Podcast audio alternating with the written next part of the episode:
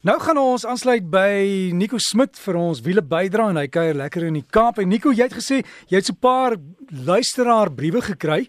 So jy het vir ons nuus daar. Goeiemôre. Goeiemôre Derek, hoe gaan dit?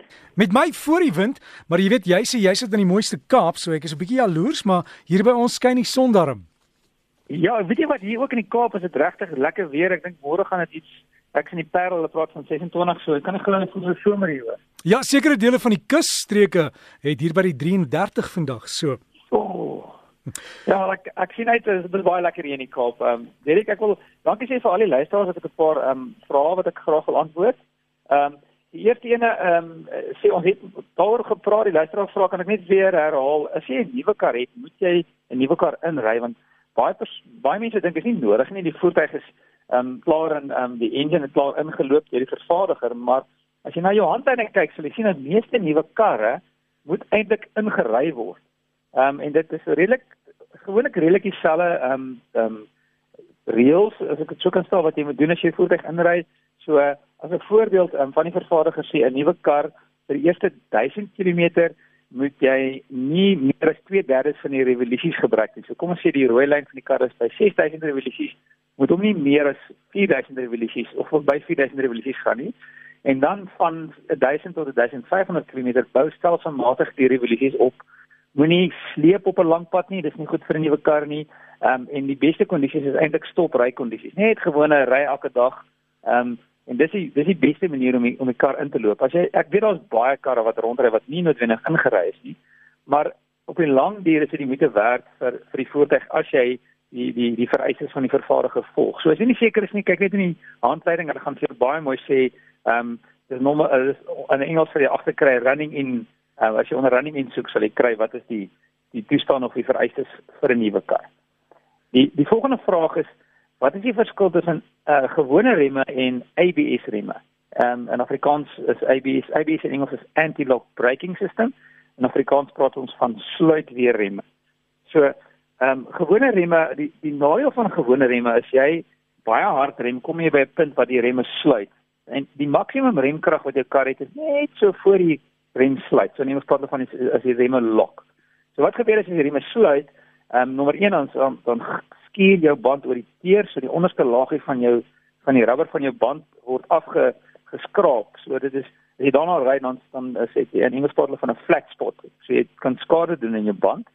Die groter probleem is dat jy geen beheer het wanneer die remme ge, gesluit het, kan jy net maar die stuurwiel links en regs draai en jy het geen beheer oor die voertuig nie. Die voertuig gaan net in 'n reguit lyn. So wat ABS remme doen of sluitweer remme is hy het 'n wielspoed sensor by elke wiel en hy meet ehm um, um, die hoe vinnig die wiel ehm um, roteer.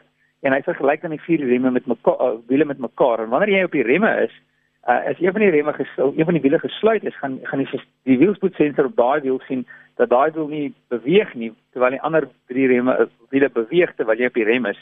So hy weet daai rem is gesluit. So hy gaan die rem vir 'n breekte van 'n sekonde oopmaak en dan weer rem. So wat jy kry met met met sluitweer rem of ABS is dat die remme rem los, rem los, rem los. So tussen 12 en 15 keer per sekonde. So wat dit beteken met met met ehm um, uh, ABS remme is dat jy ehm um, nie die wiele sluit as jy hard rem nie en jy het ook die vermoë om die voertuig te stuur. So as jy baie hard rem en jy sien wag hier is 'n probleem voor jou, kan jy terwyl jy rem kan jy die stuurwiel draai. En teoreties klink dit baie maklik, maar ek het al gesien op baie kursusse mense is nogal nie gewoond daaraan om te rem en te draai nie. So dis iets wat jy nogal um, baie help om in te oefen. So as jy hard rem, jy terwyl jy rem kan jy uitswaai. En, en dit maak 'n groot verskil want jy kan dat baie baie maal die ongeluk daar, mense het 'n ongeluk maar hulle het nie geweet hulle kan nie die die stuurwiel draai. So dis die voordeel van van sluitweerrem of ABS.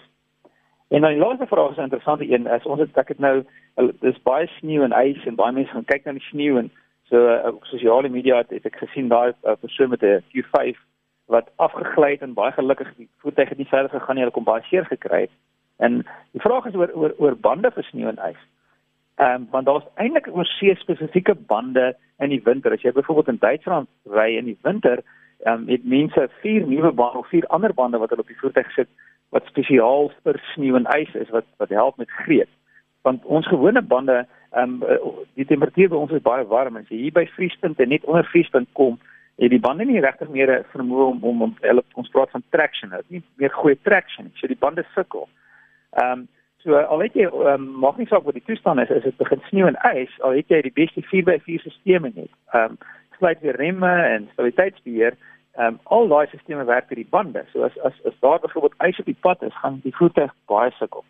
So as jy 'n spesifieke bande met 'n spesifieke patroon in die sneeu en ys, ehm um, en die die die rubber is anders wat wat baie help met in die in die koue kondisies.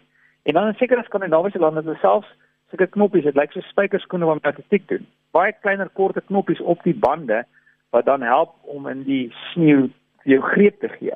Ehm um, jy kan byvoorbeeld nie met daai bande op die teer ry nie want daai bande gaan dan skade maak in die teer en selfs jou winterbande ehm um, kan jy beskadig as jy met jou winterbande oor see op die um, in droë toestande of in warm toestande ry. So in Suid-Afrika het ons nie regtig wat hulle in Engels praat van winter, ons het nie winterbande nie. So die groot ding is om maar regtig baie stadig te ry. As dit as dit geëis het of as jy ry in die sneeu en jy gaan kyk na die sneeu, is om stadig te ry. As jy kan as jy uh, trek weg in tweede rad, moenie voertuig in sport ry nie. Ehm um, en saag is op die uh, versneller, saag is op die rem en baie baie groot volgafstande wat as die kar begin gly dat dat jy dan spasie het tussen jou en die ander voertuig. So baie baie stadig in die sneeu en ys want ons het nie regtig die regte bande nie. Maak nie saak hoe, hoe goed jou stelsel is nie. As en Nico, baie dankie vir al daai raad en as mense vra het kan hulle net vir my kontak dan sal ek vir jou aanstuur. Dis reg, dankie Dirk. Geniet die Kaap. Dankie, lekker dan ek verder. lekker vir jou ook en my e-posadres is dbrsg.co.za. dbrsg.co.za. Veilig wees op die paai asseblief.